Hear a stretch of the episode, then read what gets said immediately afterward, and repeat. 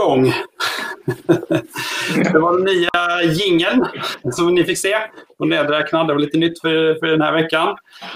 Eh, den här veckan så har vi, ska vi prata Renault Juniorkuppen. Och eh, vi har Johan och Mattias. Välkomna, här, välkomna hit. Tack, tack. God kväll, god kväll. God kväll.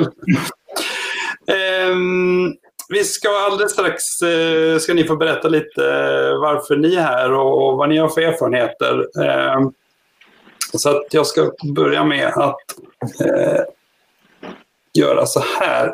Och, eh, eller vi ska faktiskt, innan vi drar igång så ska jag bara ge lite kort praktisk information.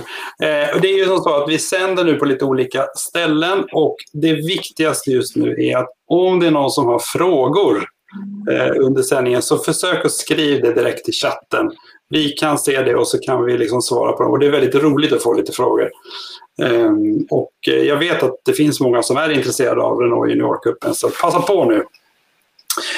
Um, och eh, då har vi alltså Mattias och Johan. Ehm, det var lite roligt när jag pratade med, med Mattias här.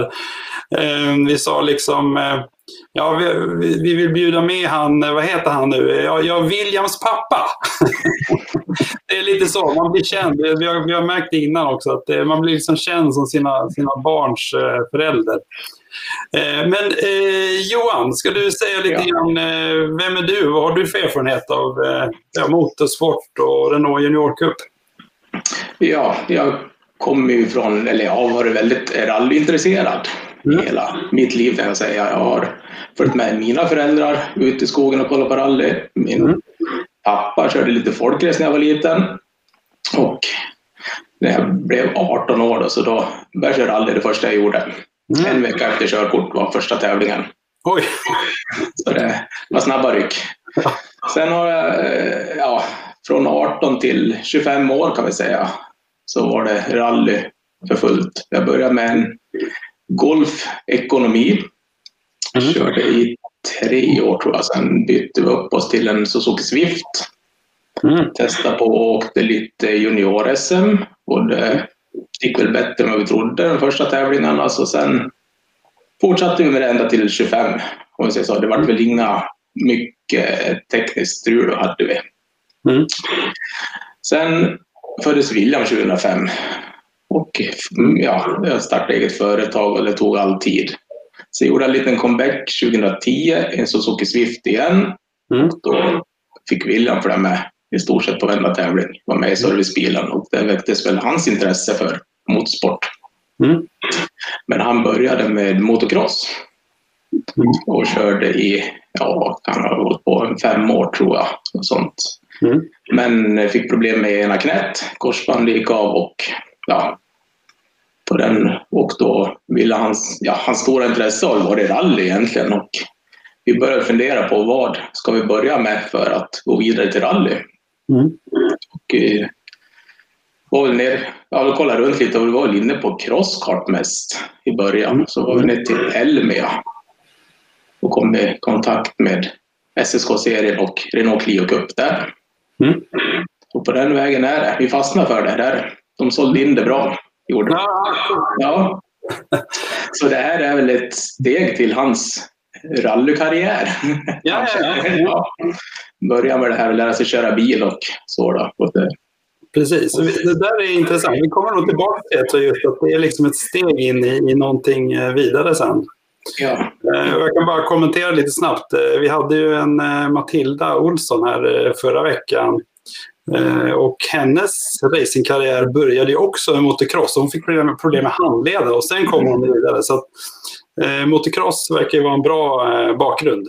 Precis, bra inkörsport till, ja, till bilsport. Ja. ja. Mattias, vem är du och hur hamnade du här i gokartsoffan?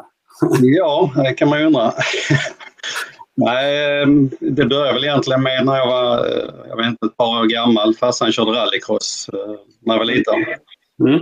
Jag fick, fick mig hänga med ut på banorna där och springa runt och, och kasa i jordhögarna i, i rallycrossdepån. Mm. Eh, och sen när jag blev något äldre då så lyckades jag tjata mig till att få börja köra gokart. Mm. Så att jag och brorsan började med gokart ganska så eh, på hobbynivå så att säga eh, till en början med rätt så enkla eh, kartor. Men sen blev det ju bättre och bättre och intresset blev större och större och vi tävlade aktivt under en, ja, kan ha varit 8-10 års tid någonting. Mm. Och sen hade jag ett litet avsteg till tvåhjuligt och höll på med speedway ett tag. Mm. Eh, men sen 2006 eller 2007 eh, tror jag det var så ehm, började vi köra Radical, eh, en racingklass. Mm. Och höll på med det i, i ett antal år. Och Radical är en väldigt snabb, eh, liten bil kan man säga, eller? Ja, det är det. Mm. Det är en, en äh, engelskbyggd rörramsbil med en, en motorcykelmotor på 1300 kubik och mm. en glasfiberkaross. Väldigt låg vikt och mm. äh, mycket grepp och ganska så motorstark i förhållande till sin vikt. Mm. Eh, och under de här, de här åren när vi körde Radical så, så Willman är född 2004 ju. Så eh, då hängde han ju med och fick se när vi körde ihop med SSK de här Renault Junior Cup-bilarna. Eh, och tyckte att det var väldigt spännande såklart. Mm. Eh, så när han blev sju år där någonting så köpte vi en Cadetti då och började köra lite Cadetti och mikro och lite mini också. Men han började ganska tidigt att tjata om det och säga att pappa jag vill köra sån eh, Renault Junior Cup också. Mm. Han hade bestämt sig rätt så tidigt där då att, att det var målet för honom och jag hade ju sett det flera gånger och tyckte det verkar vara en jättebra ungdomsklass. Eh, mm. Dessutom den klassen i, i Sverige där man får börja köra tidigast så att säga. Mm. Från det året man fyller 13. Just det. Att, eh, ja, och nu har vi ju kört fyra säsonger i, i juniorcupen. Just det. Och eh, Johan, ni har kört två säsonger, är det så? Va? Ja, det stämmer bra det. Mm. Och jag kan ju säga att vi har ju då, eller Siri har kört en säsong eh, och den var ju ganska kort i år, men det var vår första så att det har varit väldigt mycket nytt för oss då så att säga. Och dessutom så har jag inte den här motorbakgrunden så att det har varit extra mycket nytt. Men, men eh, det kommer vi också tillbaka till, vad man, vad man liksom, hur mycket man behöver kunna egentligen för att ge sig in i det här. Ja, det är superintressant. Vi har ju ett, eh, ett antal frågor till er här ikväll. Eh, och eh, Innan vi eh, ger oss in på dem så vill vi då naturligtvis säga några korta ord om sponsorer eh, eftersom vi alla vet att vi behöver dem. Och eh, ja, eh, Mattias här ser väldigt fina hus i skånska miljöhus. Eh, och vi har eh, JTB Transportservice, eh, Johan, som som också sponsrar och hjälper till, hjälper Wilmer och eh, William. Eh, och Eh, sen så har vi då för Siri eh, har vi som vanligt Perssons uthyrning och försäljning eh, från Laholm och Audiosafe som gör eh, eh, formgjutna hörsel, hörselskydd. Eh, speciellt eh, bra för racing. så att vi ska se, vi, den här frågan har vi faktiskt redan klarat av. Eh, så jag tänkte försöka vara lite provocerande för att Eh, på de här olika intervjuerna om olika klasser nu då som, som eh, eh, eh, vi har ju sagt att vi ska prata både Renault Junior Cup, vi ska prata Formula Nordic, vi ska prata Ginetta, vi ska prata eh, Aquilia. Så är det ju så liksom att det finns ju en hel del som tycker att det här med Renault Junior Cup, det är ju inte någon riktig racing, utan det är någon form av budgetalternativ. Eh, håller ni med om det? Att det här är egentligen inte någon riktig racing? Eller vad, vad säger ni? Om vi tar Mattias först. ja. eh, nej, det håller jag inte med om. Jag tycker absolut att det är riktig racing. Eh, om man tittar på juniorcupen de senaste åren så har ju startfältet varit väldigt bra. Mm. Och jag tycker ju, min åsikt är att det spelar egentligen ingen roll vad man sitter i för bil och hur fort det går. För att det handlar ju mycket om att om jämnheten och, och de fighterna. För racingen är, för mig i alla fall är ju fighterna på banan och ha någon att tampas med och, och vara jämnsnabb med så att säga. Så, vilket gör att man utvecklas efterhand. Ja. Så att, det tycker jag absolut att det är en jättebra racingklass. Mm. Och Johan, vad, vad, tycker du efter två år i klassen? Ja, William är snabb. Jag, även, jag menar, han var ju väldigt snabb nu senast till exempel på senaste tävlingen. Ja, jag håller med Mattias att det, det är riktigt bra racing här. Täta, täta race. Det, det går fort Mm. faktiskt i de där bilarna. Mm. Och, nej, det, nej, det är riktigt bra racing faktiskt och de är väldigt duktiga, våra juniorer. Nej, jag, jag, är, jag, menar, jag vet att man, vi brukar prata om hur, hur, eh, hur nervositeten stiger inför eh, karttävlingarna. Man, är ju liksom, eh, man har en puls på 380 och, eh, liksom, och jag menar den känslan har man ju definitivt när, när den rullande starten går i juniorkuppen. Det är ju fruktansvärt tajt i starten. Ja, det är ju det. Och, och, nu är det ju liksom en betydligt uh, större, liksom, större ekipage och, och uh, farten är högre. Så att, uh, ja, jag tycker definitivt att det är en riktig racingklass. Um, om vi nu är det ju, det som vi pratar om här är ju mycket av det som är kanske nytt. Om man nu, om man nu kommer från karting till exempel, då, eftersom många av de som tittar här eh, kommer från karting och funderar på det här. Ehm, om vi börjar med dig Johan. Eh, det är SSK som eh, arrangerar det här. Vad är SSK för någonting egentligen? Ja, det är Stock, vad står det för? Stockholms Sportvagn. Sportvagnsklubb, ja precis. Sportvagnsklubb, ja. Så Precis. Och det är en organisation som arrangerar tävlingar i olika klasser. En serie. Ja, och, och, och de gör väl det. Jag, jag uppfattar det som att de gör det på ett väldigt bra sätt. Alltså de, Ja, absolut. Ja, Absolut. det är liksom väldigt enkelt att ha med dem att göra och de är liksom väldigt trevliga. Så att det, där är verkligen inga konstigheter. Eh, Men Mattias, eh, du som har lite kartingbakgrund också här. Och vad, vad skiljer det här sig från eh, tävlingar i, liksom, mot karting? Ja, alltså själva körningen skiljer sig Ja. såklart en hel del. Mm. Go-kart är rätt så mycket mindre, mindre vikt och sen om man nu inte pratar växlade kartar så, så, så skiljer ju det här med växellåda och koppling och hela den biten också. Ja. Mm. Eh, Annars själva tävlingsmomentet eh, skiljer ju inte något nämnvärt mot karting för att det är ju det som vi var inne på innan att det är väldigt tight racing eh, som man också oftast har i karting. Mm. Så att ja, det, det, det svåraste är nog det här med för, för nya förare som kommer dit. Att det, det är lite större, det, det är lite bredare, det är lite längre, det är lite tyngre. Mm. Vi ska prata en del om banorna här också. Det är precis som du säger, att banorna är ju väldigt mycket större än eh, kartingbanorna. Eh, och eh, en grej som jag reagerade på det var just det här med, jag menar i kartingen så har du ju liksom, eh, du har, eh, du har träning, du har tidskörning, så har du kvalificeringarna, sen så har du ofta en förfinal och sen en final. Så det är liksom bara en, en final, där avgörs allting. Medan i, i biltävlingar nu så är det ju liksom två finaler, det är liksom två möjligheter till att, att vinna pokalen. Mm. Ja. Och, och det är någonting som är lite annorlunda. Det var lite, det var lite förvirrande första gången. Jag fattar liksom inte riktigt. är, det, är, det, är det förfinalen nu eller? Men eh, det har jag lärt mig nu. Så det, det är liksom två stycken tävlingstillfällen. Ja. Ehm, och sen eh, vi pratade om var, var de kommer ifrån. Det var ju kul när vi försnackade och konstaterade att Mattias, du är nog, du och Wilmer, ni är längst söderifrån. Eh, Ja, ja, i alla fall i juniorcupen är vi ju det. ja, ja, precis. I junior, precis. det är Staffanstorp. Och, eh, och Johan, du är faktiskt längst norrut tror vi.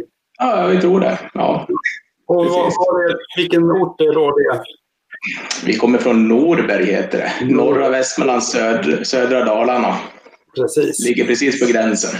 Ja, ja nej, så eh, det är också något som är lite, som har varit väldigt kul tycker jag. Att det har varit folk från liksom ja, från hela landet på ett annat sätt än vad man kanske kör eh, kartingen. Då kör man i SKCC så är det väl, ja, nu kommer det ju folk från, från hela landet, men, men det är lite mer eh, regionalt tycker jag. Um, om, vi, om man nu tycker att ja, men det här låter intressant så kan man börja fundera, vad händer nu 2021? Eh, och då har vi kollat upp här. Eh, så här ser serien ut eh, eh i 2021. Det är alltså sex stycken deltävlingar på olika banor. Men den 17 april så är det en så kallad testdag. Och eh, det vet jag att, eh, där, där, kan vi säga också att man kan alltså Eh, på den här eh, testdagen så kan man i princip, där kan man ta sin licens, man kan eh, få sin bil, eh, vad heter det, besiktigad, sin vagnbok som är någonting nytt, att man har vagnbok eh, till till sin bil. Eh, nu ska vi se, här har vi ju faktiskt kommit ett, par, ett antal frågor här. ska se. nu är det någon som undrar, eh, Mattias, har du en son som heter Wilmer? Det, det har vi försökt att säga här. Men... Jajamän.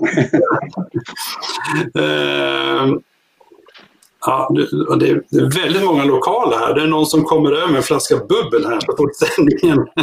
Det var till mig! ja, det låter bra. Eh, vi ska se här. Eh, så att, eh, men man kan säga att det som är sex stycken eh, eh, deltävlingar är det och då är det en, en final.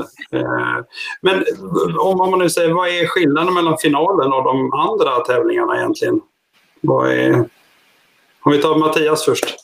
Ja, nej, men det är ju egentligen ingen skillnad eh, på den, den eh, tävlingen som sådan. Eh, Eh, det är, där, där brukar det vara en avslutningsfest efter. Man brukar göra så att vi har på lördagen så kör vi en, ett, en tävling istället för två då som de andra helgerna.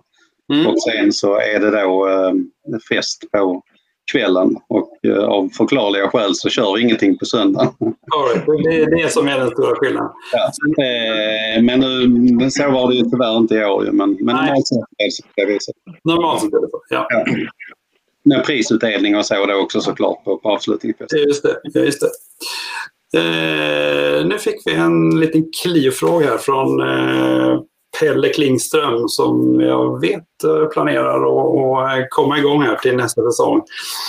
Eh, han undrar om man tränar tillsammans utöver tävlingsdagarna som vi gör inom kartingen. Vad, vad säger ni om det? Johan, hur, hur ser det ut på träningsmöjligheterna? Nej, det gör man väl inte. Utan det är väl i samband med tävling man tränar också. Mm att man är ihop så att säga. Annars så är det väl att man åker iväg på trackdays eller någonting själv och tränar. Mm. Eller vissa banor har ju onsdagskvällar öppet då, som man får åka och träna på. Ja, precis. Eh, jag tror vi, vi, pratade lite om det häromdagen. Eh, och, eh, möjligheten är väl egentligen på, på, ba, alltså på eh, vad ska jag säga, på, på klubbar som man, eh, man, man, Vi kommer också tillbaka till vad behöver man göra, men är man med i en klubb så har de ju oftast någon träning i veckan kanske eller varannan vecka och då kan man ju köra. Eh, annars är det väl trackdays som, eller något annat arrangemang som gäller. Mm. Eller om man har någon kontakter med de som äger någon av banorna eller någonting i den stilen så man kan komma till dem på något vis. Mm. Men, men jag tycker det är en skillnad också att just att eh, med kartingen så tar man sitt släp och så drar man ut på banan och tränar på timmar. Eh, nästan lite när som helst. Men det är liksom lite större projekt eh, när man har bilen. Eh, om, vi, om vi tittar på själva bilen här då. Så är det ju massor med frågor om vad är det för någonting. Och, ehm, Eh, jag vet inte Mattias, ska du börja här? Eh, om vi börjar med vad är det för modell och däck och effekten och topphastigheten. Vad, vad säger du? Ja, modellen är ju en Renault Clio RT heter ju modellen och det är mm. en femdörrars uh, Clio ju då. Uh, och, mm.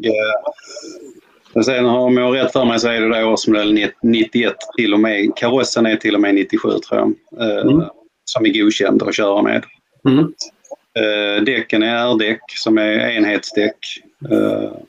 Mm. Och de ger ju ganska så bra grepp i förhållande till ett vanligt gatdäck. Bidrar ju såklart till, till att bilarna ändå går ganska så fort. Mm. Effektmässigt tror jag de ligger på ungefär 85 till 90 hästar någonting. Mm. Och det är ju man får inte lov att trimma motorerna någonting. Eh, man får lov att underhålla det så att säga. Eh, och se till så att det är så friska hästar som möjligt i dem. Mm. Eh, och sen topphastighetsmässigt jag vet inte exakt men jag tippar på att det ligger någonstans runt 150 km timmen på mm. de snabbaste banorna. Mm. Mm. Jag tror vi har klockat eh, under bron i, på Kinnekulle på eh, typ 149 eller något sånt. Så att, ja. Eh, det kan kanske vara något snabbare på de, på de riktigt snabba rakarna. Ja. Mm. Bromsarna, är det, det är inte riktigt standard då? Eller det, eller det... Ja, bromsarna på denna bilen tillåter man ju eh, bromsarna ifrån jag kommer inte riktigt ihåg vad den modellen heter men, den Clion som var lite mer motorstark så att det är ventilerade skivor och så. Mm. Lite uh, ordentligare ok om jag inte minns fel. Mm. Så att man, det är ganska så bra bromsar. Mm. Mm. Eh, och dämpar och fjädring, om vi, Johan, om du, vi byter över till dig. Dämpar och det är också lite annorlunda standard. Då. Ja, det är lite hårdare. Och jag tror det finns väl två alternativ att välja på. Va? Mm. Det är ett eh, Öhlins uppsättning där du kan ställa hårdheten bak. Va? Fram kan du justera någonting mer än höjd, höjden. Mm. Och eh, sen finns det lite billigare alternativ där det inte finns några justeringsmöjligheter på. Om jag ja. har förstått det rätt. Jag tror inte vi har Vi har några vajrar där bak som man kan dra lite i. Ja, man... precis. Man spänner väl upp bakaxeln med vajrar. Mm. Mm. Och det gör man för att den ska gå på tre hjul i kurvorna. Precis, och det gör de ganska ofta. Det gör de ganska ofta, ja. Precis. Nästan hela tiden. Ja. eh, växlar, Johan. Hur många växlar finns det? Det finns fem, fem växlar och det är en standard växellåda i. med standard slutväxel. Oh. Mm. Så det är bara standard rätt igenom. Ja, och vikten, vad är det? Vikten är 915 kilo inklusive förare, minimivikt. Ja, och det kollar man hela tiden? Det kollar man varje tävling. Mm. I alla fall de tre första. Mm. Pallplatser där kollar man varje tävling. Eh, och trimning har vi sagt att det, ja. det får vi inte ha någonting. Nej. Eh, säkerhetsmässigt, vad har man för säkerhet? Det är ju en viktig del i det här. Det eh, sitter ju en skyddsbur i bilen. Mm. Det är väl lika alla bilar. Mm. Och sen har du då ett sexpunktsbälte och en, en riktig stol. Så det sitter mm. fast ordentligt. Och sen har du Hans skydd eller hybridskyddet. Just det. Och, ja, och hjälm och overallskor. Framsäkert. Ja. Ja, precis. Och det var ju, kan man ju säga, det är ju, man, man kan inte använda sina kartinggrejer här utan där är det allting inklusive eh, de här eh, brandskyddade strumporna som Siri glömde någon gång i början. Men som vi har lärt oss att ta på nu. Så att, eh, men, men, men det känns det är väldigt bra det, det, och det är väldigt, liksom väldigt noga att man verkligen har allting. Och det, det tycker jag känns väldigt skönt. Liksom, för det, det går väldigt fort. Eh, elektronik, jag tänkte mer på eh, loggning och tider och eh, det får man inte lov att ha så mycket. Va? Man, får inte, man får inte lov att ha olika givare för eh, bromstryck och alla de här sakerna. Inte vad jag Vad sa du? Eh, jag tror under tävling så får man inte ha någonting sånt. Nej, du får inte ha något hjälpmedel. Så mm. får du inte ha. Nej. Utan det, vi har ju satt i en, eh, en laptimer. Vi har faktiskt våran gokart eh, eh, laptimer har vi satt in i bilen och, så, och den kan vi få fungera där. Jag vet inte vad ni använder för någonting. Använder ni också någon? Det sitter en laptimer i Williams bil också som följde med vid köpet när vi köpte bilen. Så det, mm. ja. Mm. Nej, för det behövs ju. Du behöver ha lite koll på tider och så. så. Ja, det är bra för dem att kunna hålla koll på tiderna lite grann. Ja. Mm. Um, bra. Vi, vi var ju... En, om man nu tycker att det här känns eh, liksom lite stort och man har lärt sig precis, eh, man inte har så mycket motorbakgrund som, som ni har då. Men Johan, jag vet att du är väldigt väl förberedd för att eh, mecka med bilen. Du är utbildad på det här, eller? Ja, jag utbildad bilmekaniker. Ja, ja precis. Men det behöver inte betyda någonting.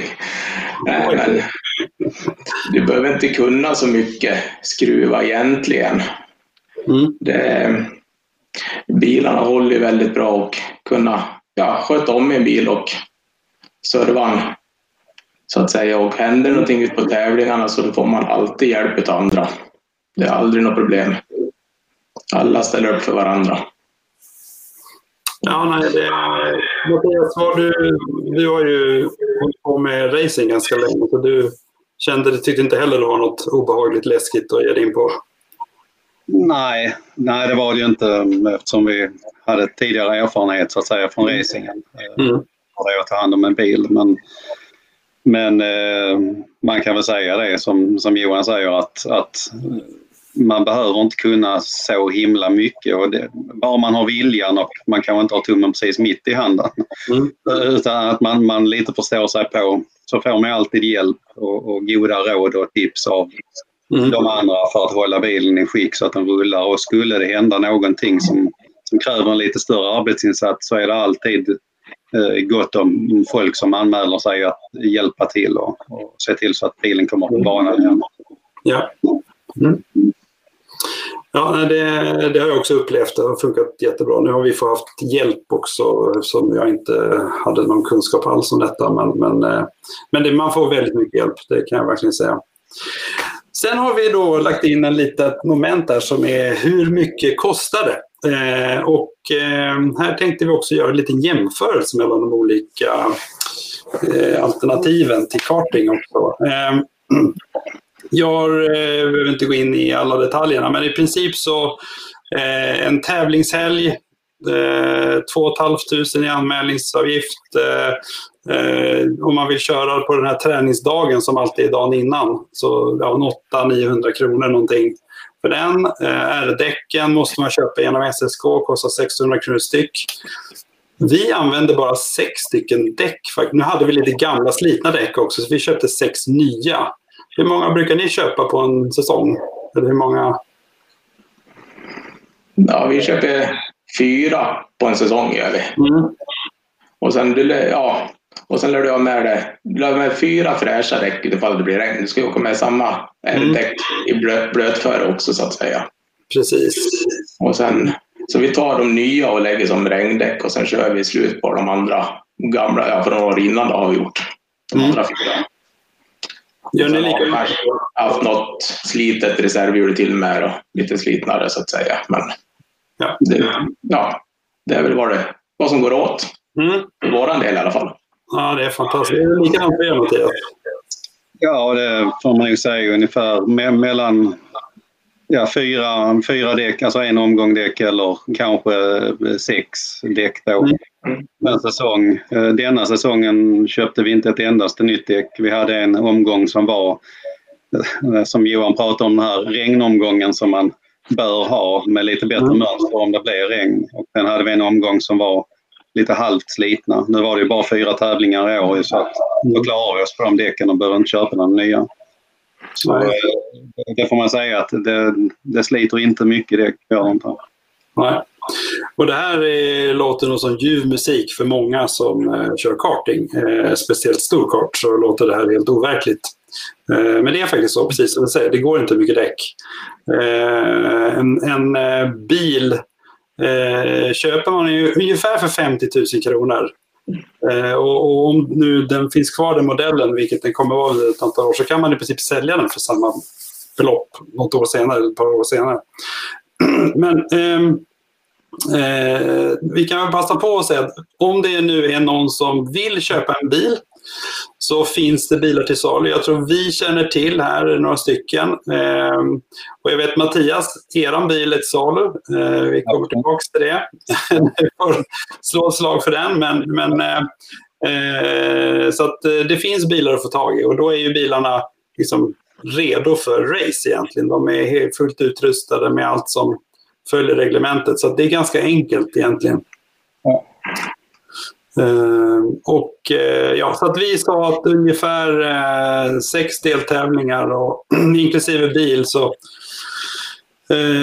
ja, alltså man kan nog klara sig på en 110-120 000. Sen tillkommer det ju liksom naturligtvis man ska bo någonstans och, och man kan hitta på många saker. Men, men det är förhållandevis billigt kan man säga, eh, just den biten.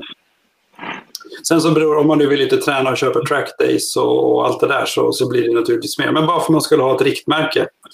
Eh, nu fick vi en fråga här från Jörgen eh, som undrar hur många han tror att vi blir i år. Eh, jag vet inte, har ni koll på det? Har du koll på det Johan? Eller? Nej, jag vet faktiskt inte. Det är mm. några som, som ska sluta och gå. Mm. Så jag vet inte om det, hur bilarna, om de är sålda eller om hur det ser Nej. ut. För vi, det är väl eh, två eller tre som slutar. Eh, men jag tror jag känner till två som börjar i alla fall. Så att eh, ja, förhoppningsvis blir det väl ungefär som, som 2020. Alltså någonstans mellan 12 och 15 bilar kan det stämma? Ja. Mm. Uh, och det har funkat. Det har varit riktigt bra faktiskt. Sen det vore det jättekul om det var 25. Men, men uh, det, det ju, räcker ju definitivt till för att det ska liksom bli kul, uh, kul racing. så att förmodligen blir det ungefär samma. Om vi inte nu lyckas värva in fler här nu när vi gör lite reklam för klassen här. Eh, en annan stor skillnad, vi var inne på det, det är ju det här med banorna. Och eh, de är ju väldigt mycket större. Och eh, jag tänkte vi skulle göra en liten djupdykning i eh, banorna. Och eh, jag vet att när vi pratade om det här så Johan, du sa att jag, jag vet inte så mycket om svårigheter på banorna. Men du kanske har hunnit prata lite med William? Ja, ja, ja. Han, han kom väl inte med så mycket. Gjorde inte det? Nej. Nej. Ja, vi får ta, Mattias, du får ta, ta lead här då på, på bangenomgången. För jag tänkte vi skulle titta på banorna och bara lära oss lite grann om dem.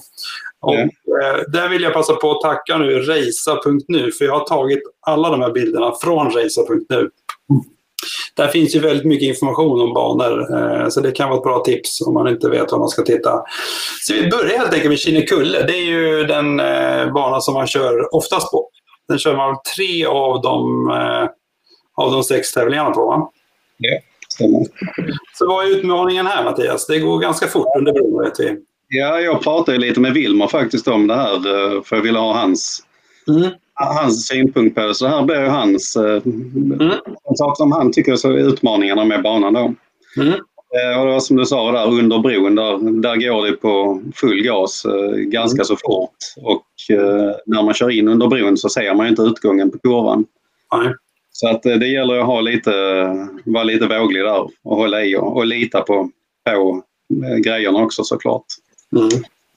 Eh, Sen när man kommer tillbaks andra gången under bron då eh, ifrån Kvarnkurvan så mm. Eh, ner mot eh, högersvängen där som jag inte riktigt vet vad den heter faktiskt. Efter Molins knäpp?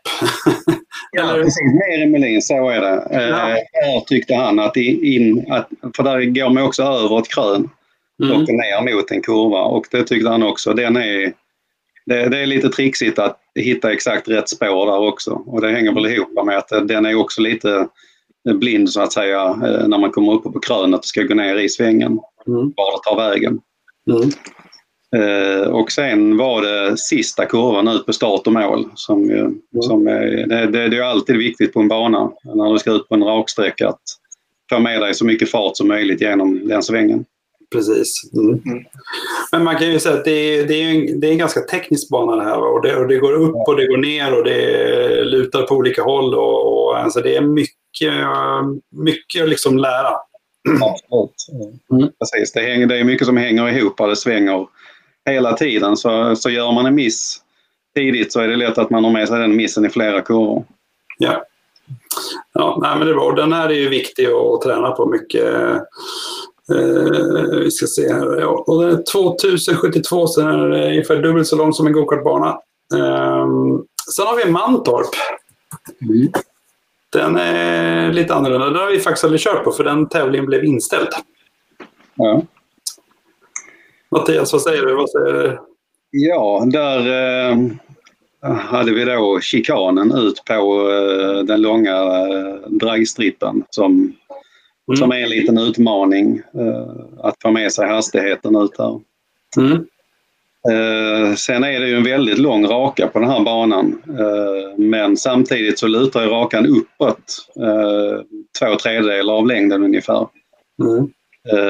så att de, jag vet inte riktigt vad man kan komma upp i för hastigheter med en Clio. Men sen går det ju neråt den sista eh, biten och där skjuter det på lite mer. Så insvängningen ner till den så kallade Mjölbysvängen där mm. tyckte han också var en utmaning. Att, att hitta hur mycket hastighet man kan ta med sig där. Man kan uh, ofta ta med sig mer hastighet än vad man tänker när man kommer till svängen först. Mm. Att, um, och sen var det sista kurvan då, uh, den som man vill kalla det på-kurvan som är sista kurvan ut på start och mål. Mm. Som är en, en uh, ganska så liten och skarp kurva för den viker mer än 90 grader. Så att, mm. Och är väldigt viktig såklart eftersom det blir en raksträcka efter. Ja. Ja, William hade inget att säga om Mantorp här Johan? Jo, det var, det var chikanen där också. Ja. ja just att det eh, långa rakan och att det går upp för.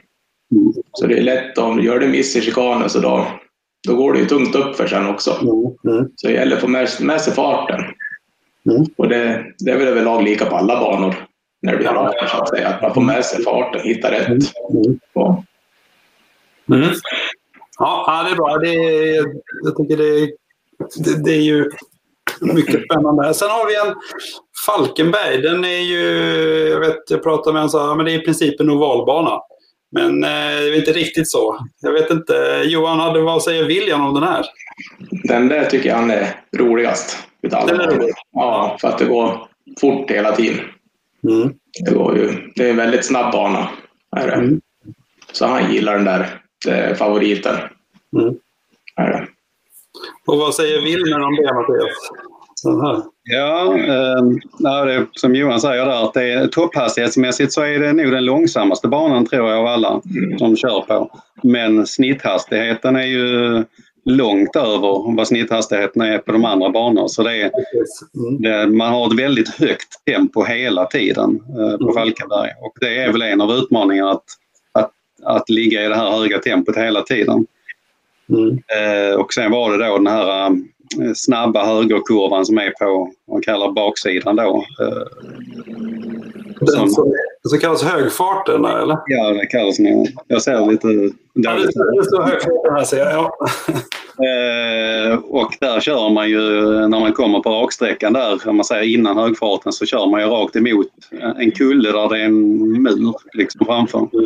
Mm. Så att det är rent mentalt en utmaning att, att lita på att banan ligger kvar där den låg förra varvet och det går att åka fullt där. ja. Ja, nej, för det går fort här. Jag gissar att där, eh, det är ju... Ja, vet, det, är, det, det är fyrans växel där, va? tror jag. Eller? Eller är det fortfarande trean? Jag vet inte. Det är nog trean kanske. Ja, jag lite. Jag tror de, jag tror de får i fyran. Mm, ja, Det var precis i fyran tror jag. Va? Var det ja. ja, nej, det går fort. Uh, Um, och det är precis som du säger, det är nog, uh, den har ju det, det här höga tempot så den är väldigt speciell på det viset. Sen har vi Gelleråsen. Det är nog faktiskt Siris favoritbana kan jag säga. Det, när hon körde den första gången så tyckte hon att ja, den är som en gokartbana. det var hennes... Eh, hon gillade det här att det liksom svängde på lite olika håll. Och, eh, det, jag kan säga också att i, på den här Falkenberg så har du ju efter slutet på rakan så, så är det en, en eh, höger-vänster där och du ska växla ner från fyran ner till tvåan.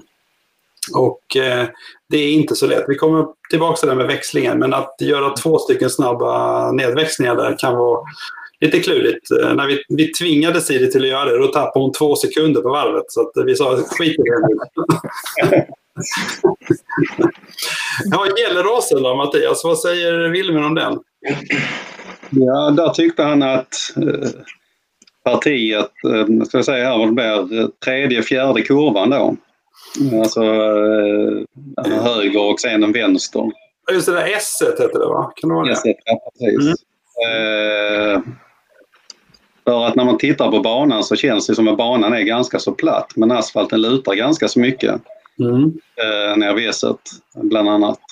Mm. Eh, så den tycker han är en liten utmaning att, att uh, placera bilen rätt. Mm. Verkligen hitta spåret. Mm.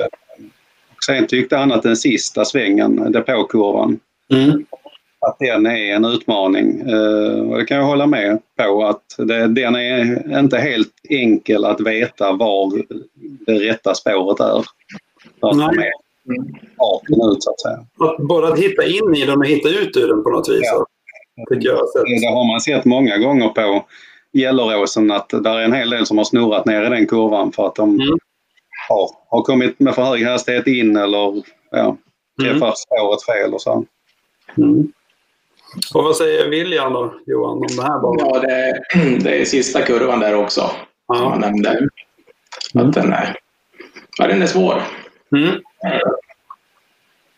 jag såg Siri testa många olika varianter. Hon fick till det bra där, men, men eh, det var väldigt många, många olika varianter man såg på Eh, speciellt på ingången där. Eh, hur man, eh, ja, den var, den, var, den var rolig. Det är ju den banan som ligger längst norrut också kan man säga.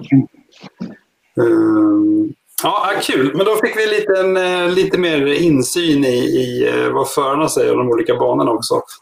Men man kan väl säga att det är ju det, det är olika karaktärer på banorna och alla de här anläggningarna är ju, är ju väldigt fina.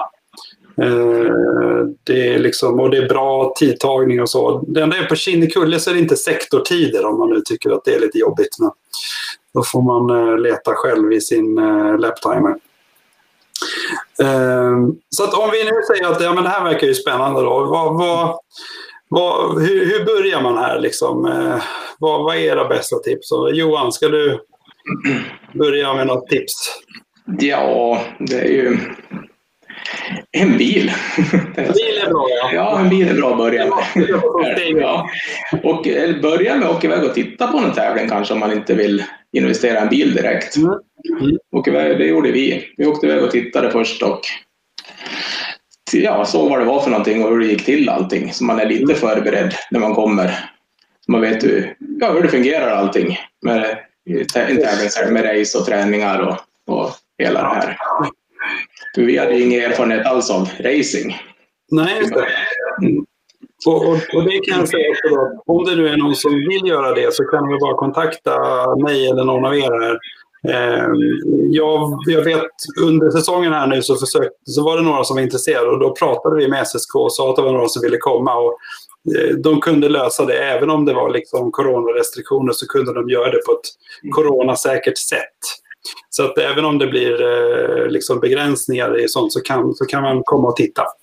Mm. Eh, men, men det blir ju naturligtvis eh, under förutsättning att, man, att, att de tillåter det då eftersom det är restriktioner. Då. Men, men, men det, det jag håller med, det är nog en väldigt bra början. Mm. Och sen, sen är det en bil då, sen är det första Mm. Ja, det är 17 april där, första helgen när man får testa och ta licens. Mm. måste ju ha en licens också. Precis. Ja. Och sen, ja, det är väl så man kommer igång. Licens, bil och, mm. och då får du även vara med och du får ju köra bilen då under licenstagningen. Just det. Kan du få provköra på banan mm. där. Mm. Sen kommer vi till en viktig punkt här. När du säger det är bara att köra lite med bilen. Här. Men Mattias, äh, växlingen alltså. Jag, jag, äh, hur gör man? Det här är ju trots allt ett äh, nytt moment. Ja, det är det. Och det... om, man, om man är 12-13 år och sätter sig i en bil och ska börja växla för första gången. Liksom. Ja, ja, till att börja med så får man väl använda sin fantasi som förälder och hitta något lämpligt ställe där man faktiskt kan prova det på riktigt så att säga. Mm. Det är klart att har man möjligheten att köra det i någon typ av simulator så, så hjälper det ju till men det, jag tror att det är svårt att få den riktiga känslan på dragläge på kopplingen och hela den biten. Mm. Eh, så man får försöka hitta antingen om man bor ute på landet eller man kanske kan hitta något avlyst område. Eh, mm. Man kan till exempel åka ut till en, en, eh, tävlingsbana kanske och få köra li, lite i depåområdet där mm. det ofta är väldigt gott om plats. Mm. Och få nöta lite det här och hitta dragläge och, och växla. Jag, jag, tror ofta så är det problemet just när man ska iväg, mm. ettans växel och så här. När man väl alltså växlar sen mellan växlarna, det hittar man efterhand så att säga.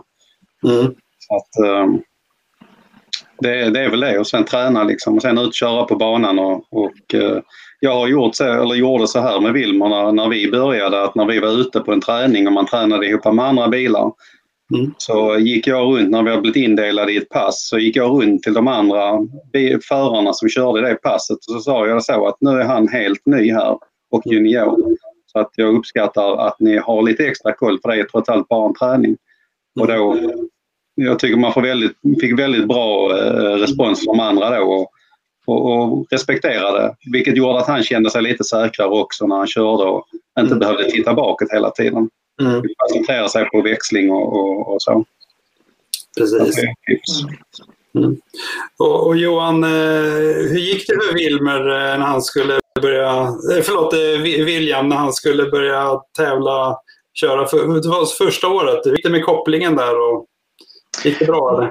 Ja, han, första tävlingen på Mantorp så då satt han ju och vila vänsterfoten på kopplingspedalen. Så det, det gick väl första halva racet. Sen, sen var det slutåkt. Ja. var det slut på koppling. Så det var ett litet misstag, men det är sånt man lär sig av. Ja, precis. Ja. Nej, men det, det, är ju verkligen någonting eh, lite speciellt här. Jag vet, Siri hon försökte lära sig växla på Youtube.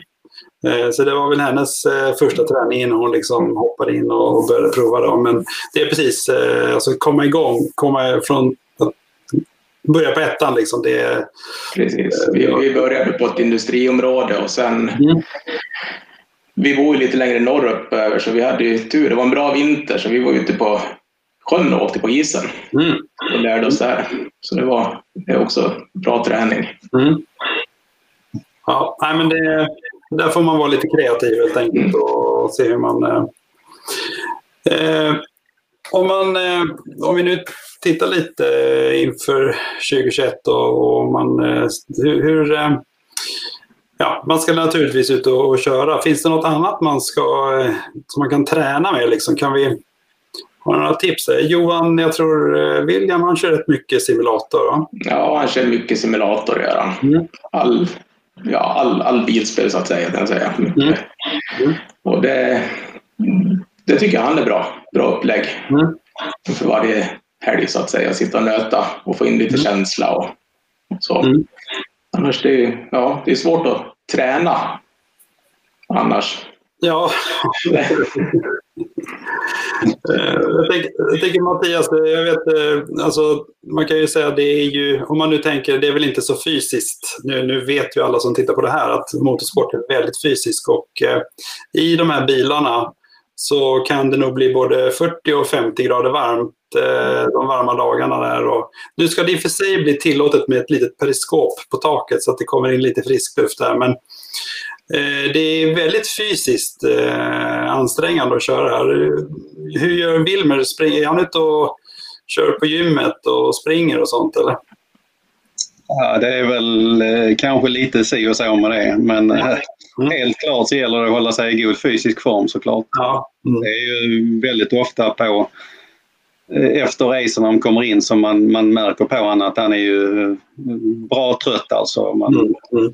Man, man, det är ganska så kämpigt och som, precis som du säger på sommaren när det är 40 grader eller mer inne i bilen så mm. bryter vi svetten med Ja. Tre, trelagersoverallen och eh, långkalsonger och hela det här brandsäkra kittet under. Liksom det, det gäller att ha koll på fysiken.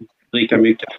Och dricka mycket, ja precis. Ja, nej, det, Uh, nej, det är väldigt, väldigt uh, påfrestande så att det är ju viktigt. Ja, men det, jag tror, jag har ställt den här frågan till många här, men det, det är väl Eh, jag har inte hittills träffat någon som verkligen vill ut och köra fys hela vintern i alla fall. Så det kanske dyker upp någon. Eh, jag tänkte misstag. Nu är ju ni väldigt erfarna hos oss, så ni kanske inte gör några misstag, men jag får väl ändå ställa frågan här. Jag vet inte, Johan, har du gjort några misstag eller? Mm, ja, jag satt och funderade på det där och eh, pratade med William också. Vi har egentligen inte gjort något sånt jättemisstag mer än att vi tvättar av bilen efter en träning och ja. då satte vi in en trasa i luftintaget. Och den trasan vart ju då kvar till nästa ja. träning. Som tur var så var det bara nästa träning. Så den sög in då i luftburken och hamnade vid luftfiltret. Så det var en sån där riktig, riktig miss. Men peppar peppar så är det det enda tror jag som har, ja, det är det enda som har hänt än så länge. Ja, det låter bra. Ja. Uh, innan jag frågar dig här så, eh, Mattias, så, så, har vi faktiskt fått en fråga till från Pelle här som undrar Eh, vart kan man köpa de specifika reservdelarna som bromsbelägg, coilover, bussningar och de här sakerna? Hur, Mattias, ska du svara på den frågan? Var köper man de grejerna? Eh, alltså när det gäller eh, reservdelar i stort så, så köper jag i alla fall mycket via eh, Autodoc eh, eller mm. liknande sidor. Mm. Sen just när det gäller eh, bromsbelägg och bussningar och så, så är det vissa saker som är tillåtna då i Clio-cupen. Mm.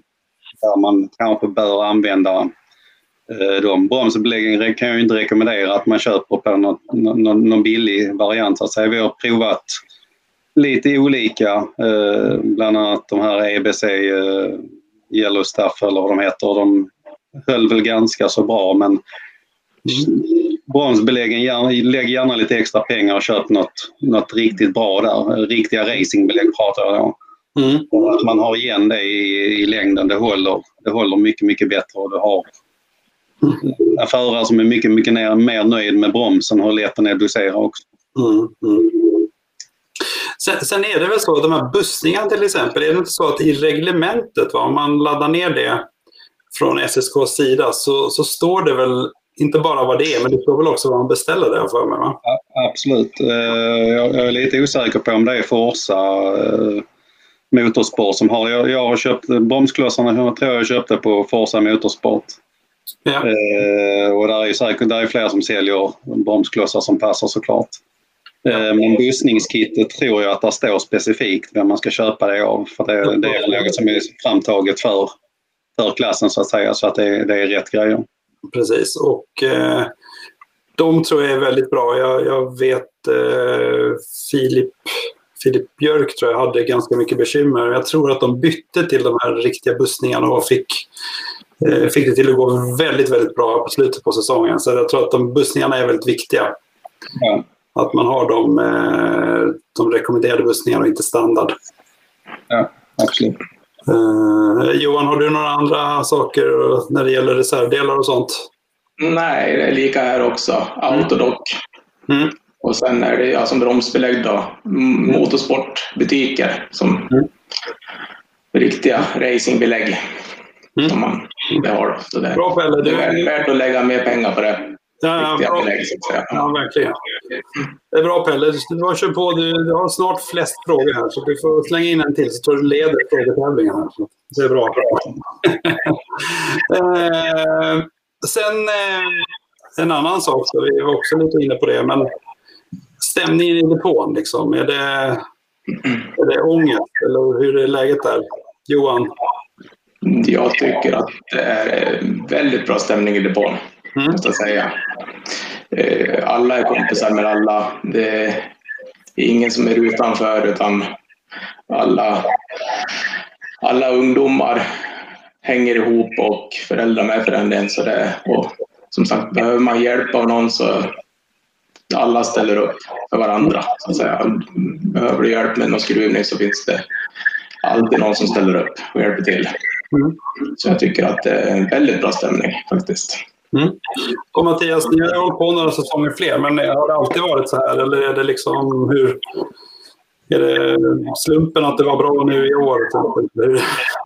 Nej, det tycker jag absolut inte. Utan det är från, från första tävlingen vi var med på. Så tycker jag vi blev väldigt väl omhändertagna och eh, nej, det har varit lika trevlig stämning alla år som vi har kört. Eh, mm. Sen får jag passa på att ge en liten eloge till Anders Dahlgren som är mm. klasspappa då för, för klassen för att han var väldigt tydlig och noga med redan när vi började att händer någonting ute på banan, vilket du såklart gör. Det är, det är tävling vi pratar om. Mm. Ibland kan det vara någon liten sammanstötning och så och då var han noga med att springa inte och, och prata om varandra så att säga utan kom till mig så tar vi en diskussion, de berörda parterna och så löser vi det. Och jag, jag tycker det, det, har varit väldigt bra sätt att hålla en väldigt fin stämning. För att det är väldigt lätt när man är inne i tävlingsmomentet och det händer något och man blir lite uppjagad att kanske säga något som man, man inte egentligen menar. Så, så att, mm. ja, det är väldigt, väldigt fin stämning. Mm.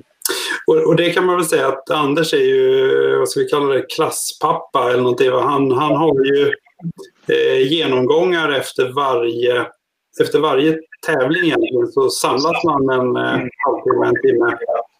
Och, han går igenom lite saker som har hänt och, och eh, Eh, jag, jag, tror det är, det, är, det är väl kanske lite unikt att man gör det, men han vill gärna göra det för att det är liksom just för att undvika att det blir dålig stämning och, och dessutom att, jag menar det är ju mycket utbildning naturligtvis. Jag menar vi, det är ju inte, alla är ju inte supererfarna om man säger så, man får ju lära sig att hantera de här situationerna. Så att, eh, ja. Eh, nej, det är faktiskt ett stort plus och eh, vi har pratat med Anders om, om alla möjliga saker. Det är, man kan fråga precis vad som helst. Liksom. Eh, ja, eh, jag måste ju fråga om hemligheter. Eh, har ni några hemligheter? Något som ni vill eh, släppa så här lite eh, bara för oss som sitter här? Det är 23 stycken som tittar på oss just nu. Och, eh, Mattias, har du någon hemlighet? Eh, nej, jag vet inte riktigt. Det skulle vara att, att se till att ha skoj för att jag, jag tycker racing ska vara roligt. Ja, vi har alltid varit noga med att, att inte lägga någon onödig press så att säga. Utan att ja, men det är hemligheten att vi, vi håller på med detta för det är roligt. Och, mm. Eh, sen eh, några eh, tekniska hemligheter har vi inte. det skulle vara däckstrycket så här men jag, jag tror att det, det skiljer liksom kanske två hektar mellan vad, vad, man har så att det är nog mer... Där är inte så mycket hemligheter som jag vet i alla fall. Nej, nej. Johan, du som gammal bilmekaniker, har du hittat någon Eh, någon hemlighet som du vill släppa så här? Nej, det håller jag för mig själv. ja. Nej, nej, faktiskt inte. Vi har inga hemligheter alls. Nej. Det, Nej, det känns som att det är liksom väldigt transparent och det är inte så mycket man kan hitta på. Och, och jag menar till exempel det här med styrboxarna är ju faktiskt så att man kan, de kan bestämma att nu byter vi styrboxar bara för att man ska vara säker på att ingen har fixat med dem. Liksom. Så att eh, jag tycker det, och, och, tekniska kontroller ska faktiskt bli betydligt fler nästa, nästa år har, har Anders lovat. Vilket jag tycker är jättebra. Absolut. Eh, då, frågan då. Eh, nu har ni kört, eh, Mattias, eh, ni har kört ett antal säsonger och Johan har kört. Vad, vi börjar med dig Mattias. Ska, vad, vad gör ni 2021? Ja, vi vet faktiskt inte riktigt eh, än vad vi gör. Bilen är som sagt till salu och eh, Wilmer har sagt att han, han eh, är nöjd med Clio-kulan. Eh, mm. får man väl säga. Skulle bilen vara kvar till våren och, och vi inte har något annat för oss så, så ska man ska aldrig säga aldrig. Nej. Eh, men tanken är inte att köra i år i alla fall. Eh, jag har väl fått något erbjudande om att åka eh, någon typ av långlopp. Så att men ingenting är färdigt. Vi får se vad, helt enkelt vad det blir. Mm. Jag kan säga att jag menar, Vilma har ju en, en, fantastisk utbildning, om man säger så. Om man testa andra saker. Ja, absolut. Ja. Nej, alltså, Clio-cupen är, är en av de bästa plantskolorna man kan ha. Och, mm. ja, definitivt. Ja. Och Johan, vad, vad gör ni? William, vad du? Ja, som det ser ut nu så då blir det Clio mm. ett år till blir det i alla fall. Mm. Han fyller 16 här i september och mm. då är det ju ungdomsrally som hägrar. Just det. Så det, vi får se om det kan bli en rallybil då till hösten kanske. Mm. Ja, jag ser fram emot att träffa... Då kanske vi håller vi tummen då att ingen som vill köpa Wilmers bil. Vi, Precis. får se honom också här i, i säsongen. Jag tycker eh, både Wilmer och William har ju liksom, är ju två väldigt trevliga liksom, förare som jag tycker sprider mycket liksom, positiv energi i, i teamet. Så att, eh, det har varit jättekul. Eh, jag tänkte sen om man nu, det är också lite annorlunda med juniorkuppen. Det finns eh, till exempel så det, heter han nu Bengt-Åke, eh, han som är fotograf på racefoto. Ja. Fantastiskt duktig fotograf. Eh, om man eh, liksom köper en, en fototjänst av honom i början på säsongen så fotograferar han hela säsongen och man får eh, jättefina bilder hemskickade. Via mail. Som man sen kan använda till vad som helst. Och det rekommenderar jag verkligen. Om man vill följa med liksom, och titta på resultat så är det Race Results har jag lärt mig som man tittar på. Finns det något annat också eller det är bara där eller? Jag tror det bara är där. Ja, jag tror det också. vissa av tävlingarna de kan man ju då se på livesändning via det som heter SBF Play som numera ingår i någon annan tjänst. Men, men det heter fortfarande SPF Play som man kan se video då. Eh, livesändningar med kommentator och så. Sen finns det på Facebook finns det en Renault juniorgrupp som är öppen för alla. Den är privat, men man bara ansöker så kommer man med i den gruppen. Eh, SSK-serien.se är ju liksom den stora webbsidan med program. Och sen finns det en egen junior.se eh, som jag tillsammans med eh, en annan som sköter om det håller på att uppdatera just nu.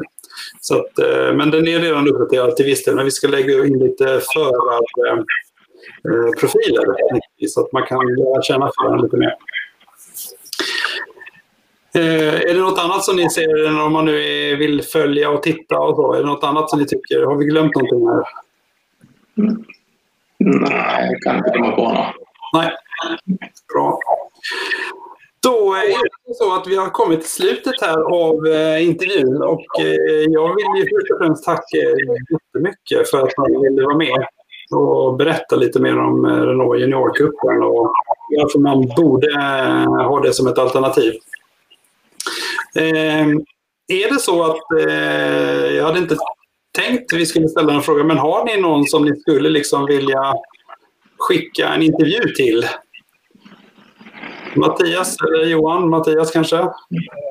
Ja, men jag hade tyckt det varit intressant, för det vi egentligen inte har pratat om är ju att det är ju flera stycken förare som har börjat uh, sin bana sin bana på bana i, i juniorcupen då ju, eh, som faktiskt har kommit eh, ganska så långt upp i, i, i racingklasser både i Sverige och internationellt. Ja. Som eh, till exempel Mattias Ekström för att nämna en. Men det har varit intressant att höra någon av dem berätta vad juniorcupen speciellt med, eller det här att få börja köra stor bil ganska så tidigt, vad, det har, vad de anser att det har betytt för dem i, i deras karriär. Ja, jag tycker det, det, det, är faktiskt en jätteintressant idé. Vi får väl se om vi lyckas eh, fiska upp någon. Om, om någon som eh, tittar på det här har något tips så får de gärna tipsa mig så ska vi se om vi kan få till det. Jag tycker det har varit jättespännande. Eh, ja, jag tänkte nog att vi avrundar helt enkelt och eh, tackar alla som har lyssnat och skrivit frågor. Eh, nästa vecka så blir det då ett karting Ludvig Morin som kommer att berätta om hur han eh, tycker och tänker. Eh, och eh, efter det den 18 så blir det Formula Nordic med eh, Dick Jönsson Wigerud som kommer att berätta om, om den klassen och vad som... Ja, man kan ställa alla frågor om den klassen som ett alternativ. Så att, eh, har vi glömt någonting här, Johan eller Mattias? Är det något som ni vill tillägga? Nej, nej. Mer, mer än att det är en fantastiskt rolig klass. Ja. Precis. Fruktansvärt rolig klass. Ja, jag kan bara hoppas, att, hoppas att det blir fler som kommer. Ja, ja. Okej, tack så hemskt mycket.